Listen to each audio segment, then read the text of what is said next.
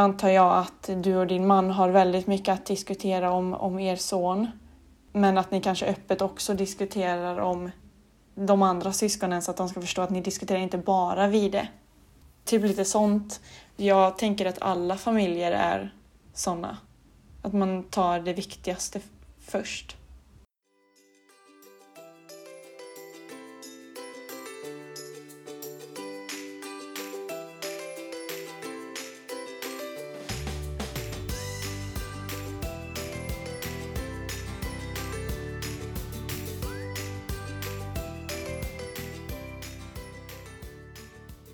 Välkomna till avsnitt 45 av Nordlyckans podd. En podcast från en funkismammas perspektiv med mig Emma. I varannat avsnitt så berättar jag om min vardag som mamma till Vide som har ett sällsynt syndrom och i varannat avsnitt har jag en gäst med funkisanknytning. Veckans avsnitt sponsras av Moonkids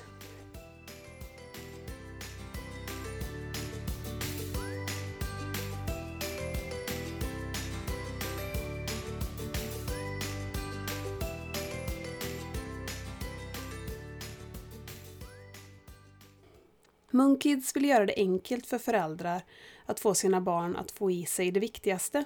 Moonkids erbjuder därför kosttillskott som är anpassade för just barn. Ett kosttillskott kan aldrig ersätta en allsidig kost, men i perioder i livet så kan det vara bra att äta vitaminer. Om man har ett barn som vägrar grönsaker, vägrar äta alls, eller som är väldigt selektiv i maten. Moonkids kommer i fem olika varianter multivitamin, D-vitamin plus kalcium, C-vitamin plus zink, vitamin plus mineral och fiskolja. Och fiskoljan innehåller omega-3 som är bra för hjärnans utveckling. Om man äter fet fisk två gånger per vecka så behövs det inget kosttillskott.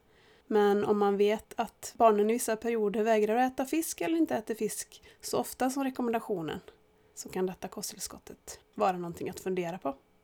För mer information om kosttillskotten eller för att beställa, gå in på www.munkids.se.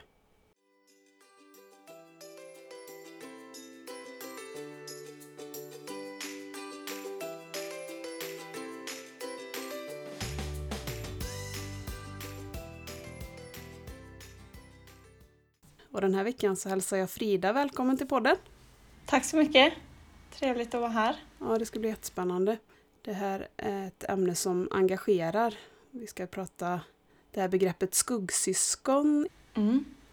Och hur kommer det sig att du är ett skuggsyskon? Ja, jag har ju lite skillnad från många andra som är skuggsyskon inte alltid varit det. Utan jag blev det när jag var 11 år då min stora syster Julia råkade ut för en mopedolycka och fick en eh, förvärvad hjärnskada. Då fick jag ju väldigt hastigt uppleva hur det var att bli och eh, fortsätta vara ett eh, skuggsyskon. Och är ju än idag då hon inte är återställd på samma sätt som hon var innan olyckan och lever med assistans och kräver mycket tid från föräldrar och även mig. Mm. Och är ni fler syskon? Nej, det är jag och Julia som har samma mamma och pappa och sen så har vi låtsassyskon om man kallar dem så. Då mina föräldrar är skilda. Vi har inga gemensamma föräldrar eller någonting så det är liksom jag och Julia som, som är syskon. Mm. Och var era föräldrar skilda när den här olyckan inträffade? Ja, de skildes redan när, när jag var sju år. Mm. Så det var de. Och kan du beskriva den tiden efter olyckan? Hur var det för dig? Redan från, eh, från kvällen då vi fick samtalet att Julia hade varit med om den här olyckan så blev ju allt väldigt eh, turbulent. Så vi åkte ja, först till, eh, till Borås eh, lasarett och där förstod jag ju inte riktigt vad som hade hänt utan jag tyckte mer, gud vad jobbigt att vänta här. Jag vill hem, kan vi inte åka hem så kommer liksom för vi visste ingenting så tänkte jag, så kommer Julia sen. Men när vi sitter där då så får vi reda på att eh, Julia har inte åkt till Borås lasarett utan hon har flugit eh, helikopter direkt till Salgrenska. Så allvarligt var det. Och idag så förstår jag ju att där får mina föräldrar panik och eh, inser att det är jätteallvarligt. Medan jag så här, kan jag åka hem med någon annan medan, medan ni åker dit? För det tyckte jag var liksom jobbigt och det var ingen som sa till mig hur allvarligt det var eller vad de förstod. Det, det höll de liksom undan från mig. Jag ville helt enkelt inte stanna kvar där så jag åkte hem till mina föräldrars kompis och sov där istället. Redan då började det direkt att allt fokus var kring, kring Julia och att jag hamnade lite utanför eftersom att ingen involverade mig i hur, hur allvarligt det var. Och sen vet man ju inte riktigt om det är det bästa eller om, om det kanske gör att jag blir lite utanför. Men eh, det var ju samtidigt jättejobbigt för mig att sen komma till Sahlgrenska och eh, se hur alla mådde i detta. Speciellt hur jag mådde efter att få se henne. Hon hade ju fått raka av eh, håret som hon så länge hade sparat ut. Där skiljer ju sig en 11 reaktion från eh, mina föräldrars också. De tänker ju inte på att det har rakats av och oj vad ledsen hon kommer bli för att hon inte har något hår kvar medan min första reaktion var att shit jag måste skaffa en peruk till min stora syster för hon älskar mm. liksom utseende och skönhet och allting. Så här börjar ju det att eh, skilja sig i, i våra historier, min och till exempel min mammas då som jag är väldigt nära. Och sen så när, när Julia vaknar upp och hon är en helt annan människa så antar jag att andra hade förstått det tidigare än mig att hon inte kommer vara den personen som hon var innan. Vi firade julafton på sjukhuset. Det blir så svårt att förstå att jag måste vara här. Varför kan vi inte vara hemma? Eh, mamma har berättat i efterhand att, att jag tyckte det var jobbigt att se alla, alla ledsna så jag hade frågat så här, kan vi inte åka och spela gokart eller eh, köra gokart istället? Och alla var, vi, vi orkar inte det Frida. Men jag förstod inte det. Bara den här berättelsen om hur, hur skev syn jag hade på hela, hela alltet följde med hem också. Jag hamnade längre och längre bort från min familj. Jag tänkte hela tiden olika och det var svårt för mig att förstå. Och ända sen, sen detta så har jag ju varit ett skuggsyskon och jag känner det jättetydligt än idag att jag eh, har upplevt allting annorlunda. Jag har min vinkel på det och sen så handlar ju hela mitt liv om någon annans liv. Och så kommer det alltid vara.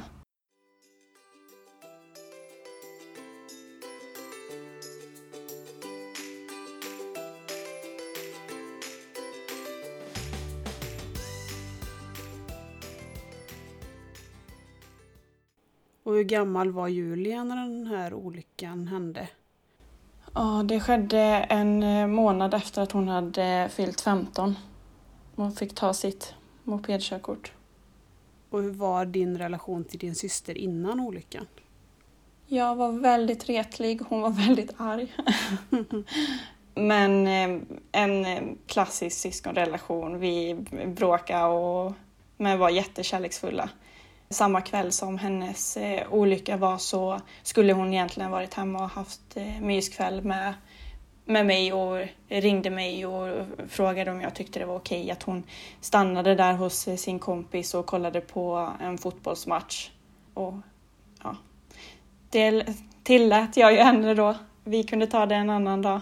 Såklart ångrar man ju det men allt har ju sin mening vi var väldigt nära men vi hade ju som sagt skilda föräldrar och ibland var hon hos pappa, ibland var jag hos mamma och vi skiftade och sånt. Men eh, man saknar ju, saknar ju den tiden.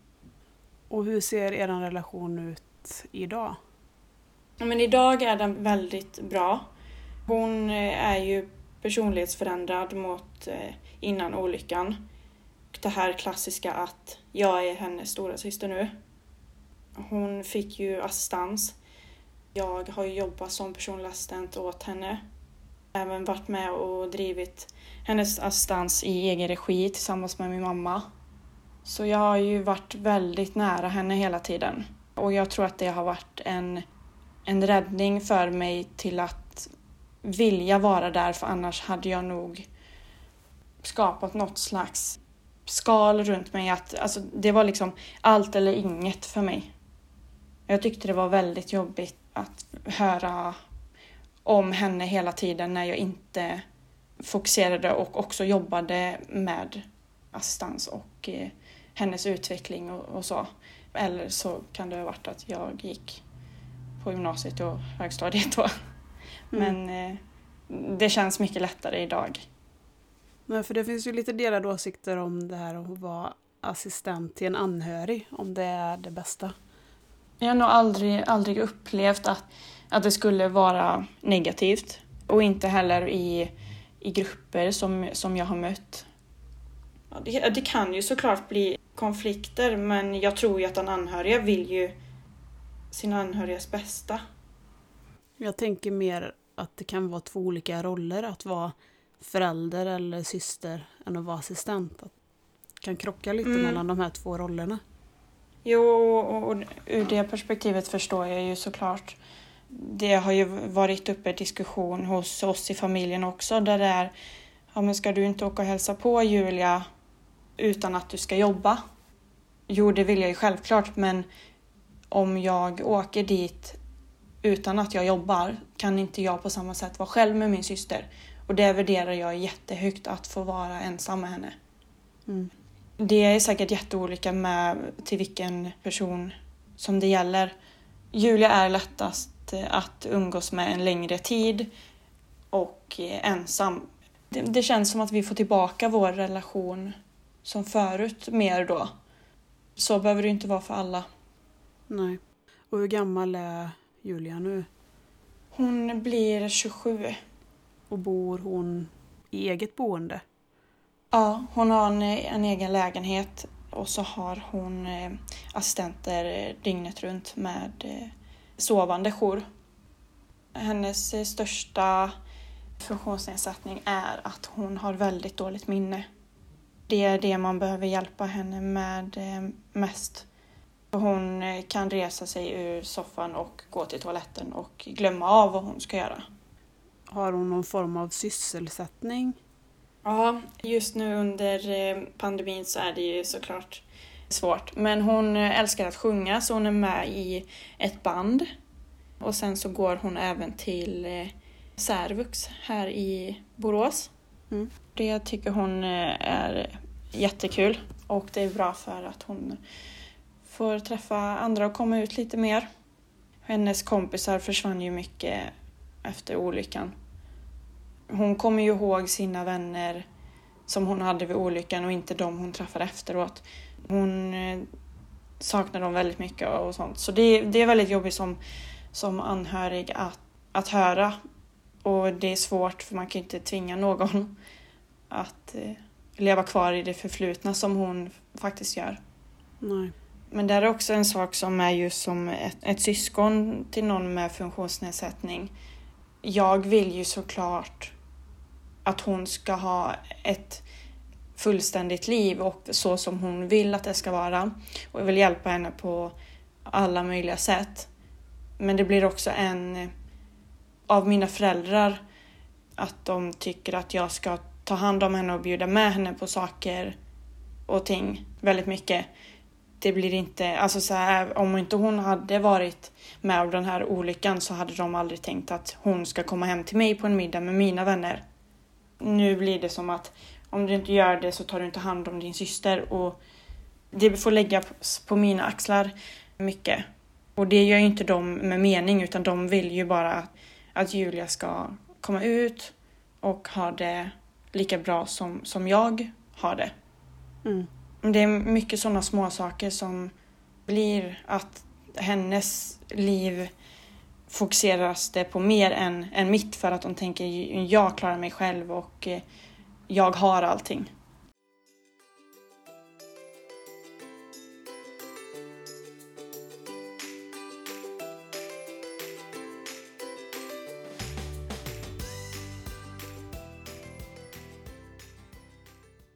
begreppet skuggsyskon. Vad tycker du om det? Jag tycker att det förklarar bra, för man, är, man lever i en sorts skugga hela sitt liv. Jag kan inte komma på en, en bättre benämning. Innan jag började säga att jag lever i en skugga, för visste jag inte att det redan fanns att folk kallar sig skuggsyskon. Så jag tycker ändå att det är bra. Men är, är det många som tycker att det är negativt och inte vill kalla sig det? Jag har ju bara föräldraperspektivet. Och det är många ja. föräldrar som känner lite ångest för det här uttrycket. Mer press på föräldrarna. Jag tror det är det som blir att man får ännu mer press. Att man får ett barn med funktionsnedsättning. Men så blir det också press för att syskonen också får en speciell stämpel. Men samtidigt så kan det ju vara skönt att eh, om jag väl kan börja kalla mig det och jag kan hitta någon annan kompis till exempel som också är det så kan man äntligen förstå varann. För när jag har pratat om hur jag känner så blir det ju bara som att jag skuldbelägger mina föräldrar och, det vill jag absolut inte göra för att jag är så himla glad att de är så engagerade i, i min syster och utvecklar henne och vill att jag ska vara med på det tåget också. Mm. Att jag ens kan vara ett skuggsyskon är ju att de gör väldigt mycket för henne och det är jag jättestolt över. Och det är likadant för alla andra föräldrar som engagerar sig så mycket. Men jag förstår ju att det är ju inte, det är absolut inte kul att höra att ens barn är ett skuggsyskon. För vad ska man göra? Det finns ju inte så mycket mer att göra. Det är väldigt svårt. Jag vet ju inte själv hur mitt syfte med att få prata om att man är ett skuggsyskon är ju att få komma ut till andra skuggsyskon och, säga att ni är inte ensamma. Men det finns heller, heller ingenting som med att jag berättar att jag kan göra så att det skulle till exempel allting som hände med Julia, jag hade inte velat att det var på något annat sätt som mina föräldrar hade gjort för att då hade hon inte utvecklats så mycket som hon har gjort idag. Nej. Hon behövde dem mer än vad jag har behövt. Men samtidigt så har jag ju behövt dem och jag vet att mitt liv var annorlunda innan olyckan. Mm. Nej, men jag tror att det är det att man blir ju mer skuggsyskon om föräldrarna är väldigt engagerade föräldrar i ja. det barnet som har en funktionsnedsättning. Jag personligen tycker att det är jättebra att det begreppet finns. Mm. För att man ändå får ha det i tanken, hur påverkar det syskonen? Att inte bara fokus blir på ett av barnen. Då kanske man gör vissa saker annorlunda i alla fall. Eller försöker göra annorlunda. Ja, och jag tror att det är, det är några år som kommer vara väldigt jobbigt för ett skuggsyskon och som också ser det som, som jobbigt eller upplever det jobbigt. Men sen kommer alla vi förstå att det var för det bästa och då kommer vi vara glada. Men vi kommer nog också vara glada att veta att vi inte är ensamma. Mm. Av att ha känt så här, för annars i skolan så känner man sig väldigt ensam och man vet att det är bara jag som har assistenter hemma hos mig när jag kommer hem. Ja, precis. Eller vi ska få en ny assistent. Och vem är det? Jag kommer från en, en väldigt liten by utanför Borås jag tyckte det var jättejobbigt att få in någon som jag kanske vet vem det är. Alltså vilka ska jobba med min syster?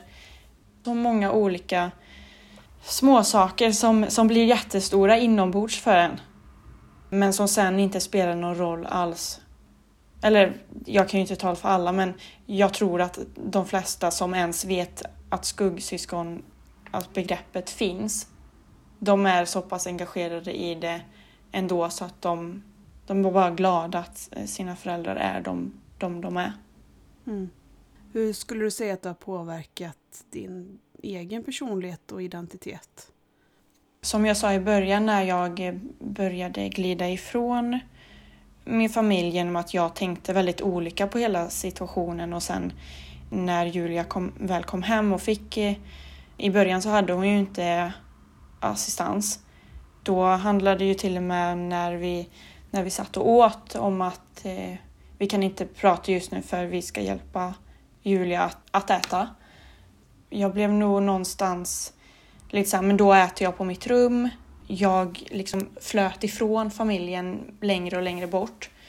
Till slut så tappade jag nog väldigt mycket av mig själv och tyckte att eh, jag inte riktigt visste vem, vem jag var. Man ser ju det typ speciellt i, som jag har fått berättat nu då, att i den åldern jag var i 11-12 år så behöver man sina föräldrar väldigt mycket för att just prata om identitet och vem man är och vem ska man vara i skolan och hur fungerar allting. Men under hela den perioden så hade jag ju några andra föräldrar hemma hos mig, för mina föräldrar bodde ju på sjukhuset mestadels. Jag tror att någonstans så tappade jag lite av min självkänsla och att det är väldigt vanligt att man gör det. Sen så var jag ju med om ett trauma av att Julia råkade ut för en olycka utan jag föddes ju inte in i skuggsyskonperspektivet. Jag tror att det hade mycket med det att göra också, att det var så turbulent i mitt liv. Absolut att jag är väldigt, eh, har haft dålig självkänsla. Jag är rädd för att vara, vara ensam. Att bli lämnad liksom. Och sen eh, så blev jag väldigt fäst vid eh, kompisar istället för min familj. Som att man har en pyramid och man brukar ha föräldrarna längst upp. Ni är de viktigaste för mig, men jag liksom sköt upp mina kompisar över där. Och det blev väldigt konstigt då när mina kompisar inte valde mig framför sin familj. Förstod jag inte det när jag var i högstadiet typ. Så här, men ska ni inte vara med mig? Mm. Lite sånt har det varit. Har det påverkat yrkesval? Ja, jag tror att innan jag ens visste att man kunde jobba med det jag gör idag så sa jag att eh, ja, jag ska plugga juridik och så ska jag hjälpa personer som har funktionsnedsättning. När folk frågar mig, Jaha, men hur ska du hjälpa dem? Jag vet inte, men jag gillar juridik så på något sätt kan jag nog hjälpa dem. Det gick hela mitt eh, gymnasium när jag förstod att man faktiskt kan hjälpa dem med det, det viktigaste som, som räddade mig, som var just eh, assistansen. För att jag tyckte ju att det viktigaste var att jag skulle få tillbaka mina föräldrar. Och det fick jag ju när eh, hon fick assistans, kände jag. Efter att jag hade jobbat eh, med eh, Julia som personlig assistent så bestämde jag mig att jag en dag ska jobba med att hjälpa folk att få assistans. Sen hur? Tog några vändningar men ja, idag så är jag ju på ett assistansbolag och eh, får göra det. Hjälpa till att man ska få igenom det. Just med eh, att jag själv tycker det är så viktigt med rekryteringen och eh, hur man är mot hela familjen i det sammanhanget för att vet jag själv att det är många assistansbolag som inte har brytt sig så mycket. Och mm. speciellt inte att de tänker på flera perspektiv utan bara ska följa till punkt och pricka hur, hur de själva tycker att det ska vara och inte har lyssnat så jättenoggrant. Varken på föräldrar, syskon eller assistenter. Vi är ju mitt inne i den här assistansprocessen och vi söker ju på Vides behov men jag tänker ju ändå att assistansen också är för syskonens skull. Ja, men det är den. Mest av allt hade jag önskat att eh, komma in i lagen hur man eh, ska se det från ett eh, syskonperspektiv också. Vad, vad gör det för de andra personerna i den här familjen att han inte får assistans till exempel? Mm. Hur påverkar det de andra? För de ska ju klocka så himla mycket på hur mycket tid det ska gå om den ska få assistans eller inte. Mm, allt är minuter. Ja. Kolla hur mycket tid som försvinner från de andra barnen. Vad det gör med deras liv.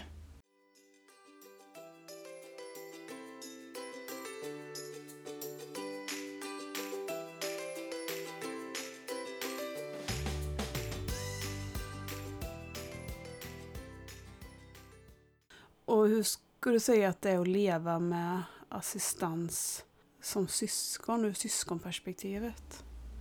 Det blir en omställning, men mina föräldrar har varit supernoggranna med att eh, det ska vara mycket bra folk.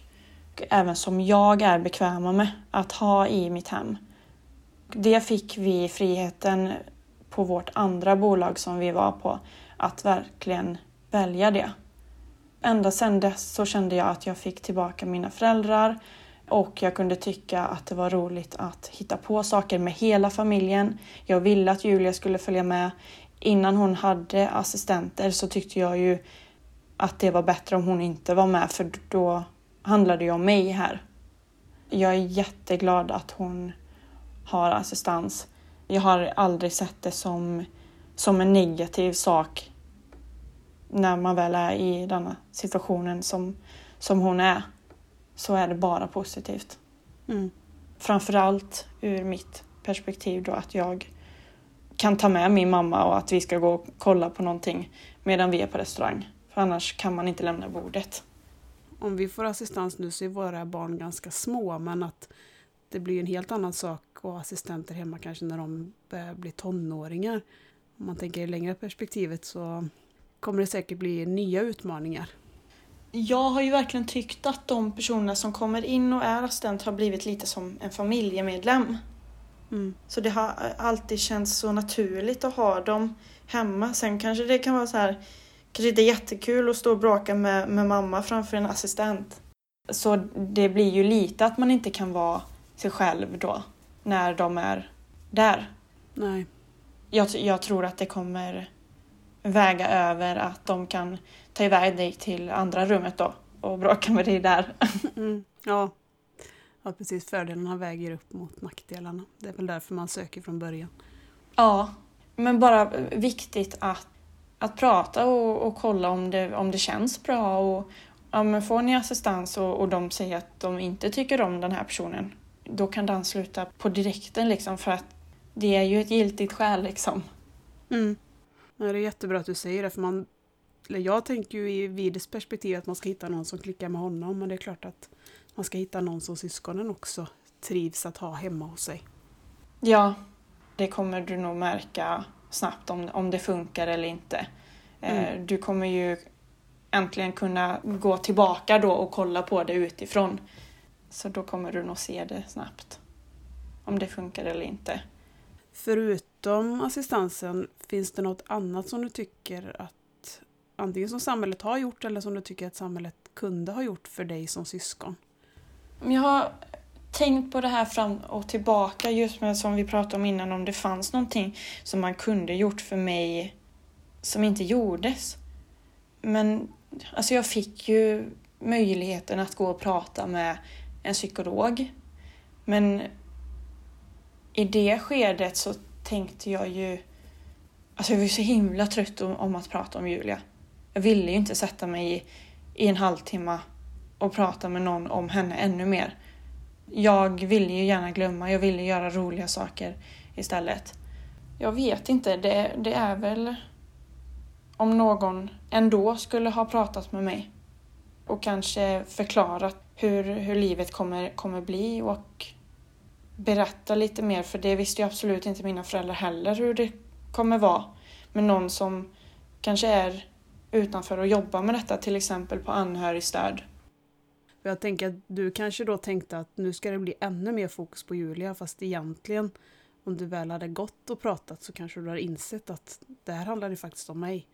Ja. Men då måste man ju få dit dig också. Jag tänkte att jag bara skulle prata om olyckan och att jag var ledsen för den. Men inte att jag kunde gå och prata om att hon faktiskt är annorlunda, att vi kommer ha assistans. När jag väl var i det så förstod inte jag att det är okej att tycka att detta är jobbigt. För det var inte synd om mig, det var synd om Julia. Mm. Det kanske någon hade, hade kunnat säga till mig att det är okej om du är ledsen för detta. Dina föräldrar inte hinner vara med dig. Men jag tänkte nog alltid att det bara handlade om olyckan. Och den sorgen skulle gå över, tänkte jag. Eh, Tror jag. Ja. Eh, Den frågan som har återkommit som nästan flest eh, ställer är om dina föräldrar kunde ha gjort någonting annorlunda. Jag vet inte om de hade kunnat det. Alltså jag skuldbelägger ju inte dem. För jag är så nöjd med hur de har varit och hjälpt min syster. Men samtidigt så har ju jag tappat min självkänsla. Jag känner mig fortfarande väldigt ensam. Än idag om jag pratar med mina föräldrar så handlar väldigt mycket om att vi pratar om Julia först, sen pratar vi om mig. De har alltid någonting som de vill prata om kring det. Jag tror kanske bara att man ska försöka intressera sig väldigt mycket i alltså syskonets liv. Även om man vet att vi behöver prata om ett läkarbesök idag och att vi ska åka på det. Men att man kanske först pratar lite om Dans dag. Eller vad dans ska göra imorgon. Nu antar jag att du och din man har väldigt mycket att diskutera om, om er son. Men att ni kanske öppet också diskuterar om de andra syskonen så att de ska förstå att ni diskuterar inte bara Vide. Typ lite sånt. Jag tänker att alla familjer är såna. Att man tar det viktigaste först.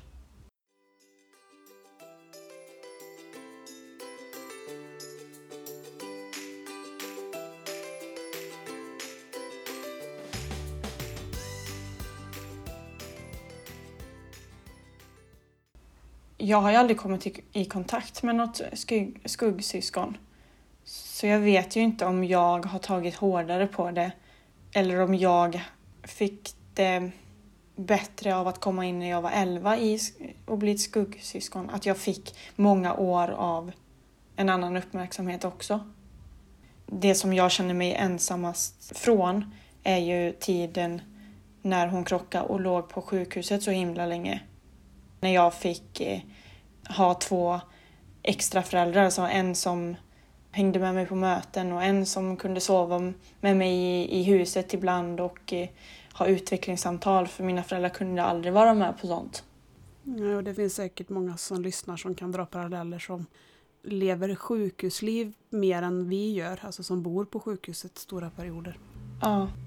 Men vi har ju valt att gå in i många sammanhang där det finns andra familjer med funktions, eller som har barn med funktionsnedsättning så att även syskonen får träffa andra syskon, alltså andra skuggsyskon. Är det någonting som du har saknat? Ja, det hade jag tyckt var väldigt bra när jag var liten. Därför så ville jag ju även engagera mig då i Unga Funkisar, för då tar man ju med sina syskon. Mm.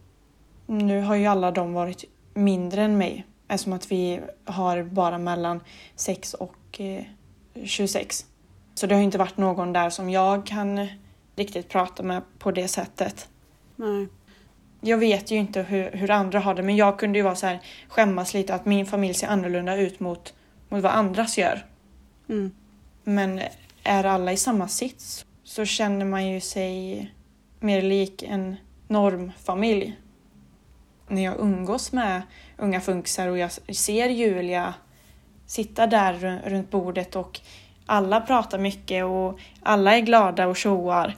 Jag blir jättelycklig. Jag kan leva på en sån helg i, i flera veckor. Medan om, om jag tar med henne till ett sammanhang där kanske inte alla fokuserar på att prata med henne. Hon blir väldigt trött. Hon blev trött i onödan för hon hade ändå inte kul där då tar ju det jättemycket energi från mig också för jag sitter ju och är nervös och orolig för hur hon har det och hur hon mår. Då tar det min energi flera veckor istället för jag kan inte glömma det här och tänka, tänka bort det bara. Nej. För jag vill att hon ska ha det som jag. Precis som mina föräldrar vill att jag ska bjuda med henne till mina middagar med mina vänner. Så mår jag bättre med henne att vara med unga funkisar och henne än att ta med henne hem till mig. För där får båda vi vara de vi är.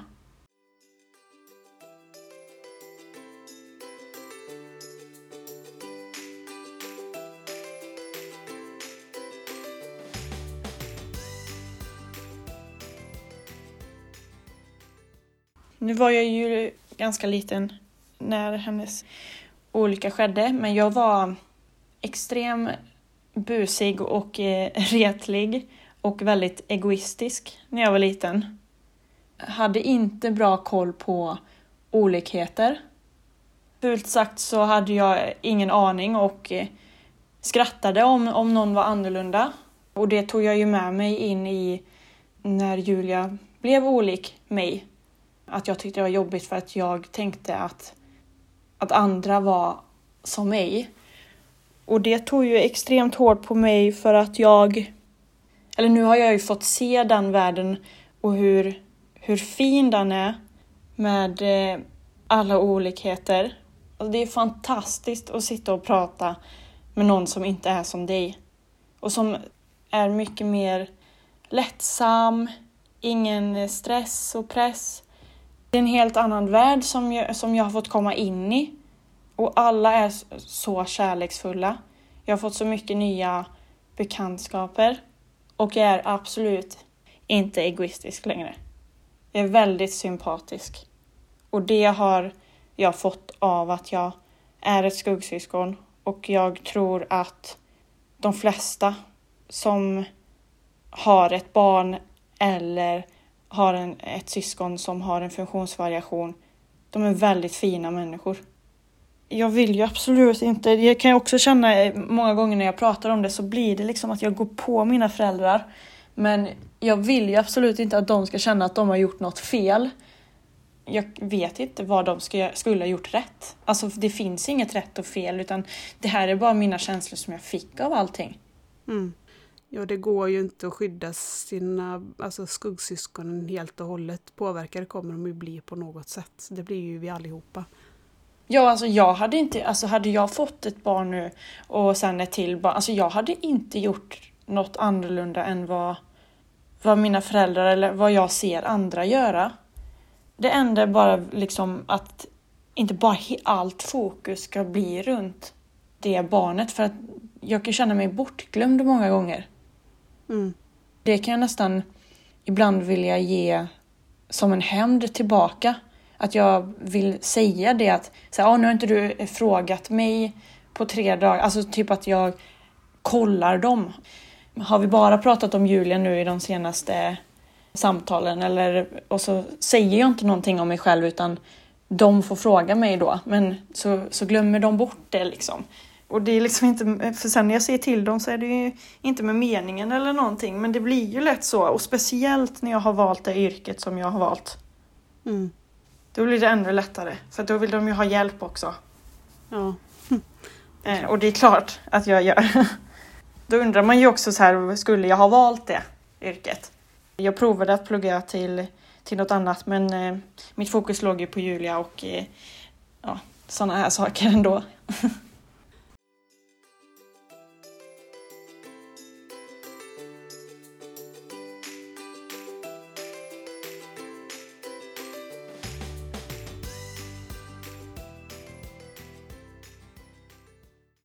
Tack så mycket Frida för ett modigt samtal. Jag kom på efter att jag hade pratat med Frida att jag glömde att ställa en fråga. Och den frågan var hur hon tänker kring Julia och framtiden. Och då svarar Frida så här. Jag har alltid haft god insyn i Julias assistans och är henne nära som syster. Så mitt yrkesval har ju präglats av att jag vet vad jag än gör så är det mycket Julia. Så jag valde att gå 100% på det som är en stor del av både hennes och mitt liv, assistansen. Nu börjar jag jobba som uppdragschef på ett assistansbolag i Malmö och det gör mig ännu tryggare i att jag kan orka ta hand om Julias assistans i framtiden om det skulle behövas. Sen går jag alltid och oroar mig över vad som skulle ske om hon blir av med assistansen utan att faktiskt klara sig själv. Jag hade känt mig mycket lugnare om jag hade haft ett syskon till att dela allting med jag känner mig ofta ganska ensam. Mina föräldrar sitter ju i samma sits och kan diskutera med varandra, men jag har ingen annan som är i exakt samma sits som mig.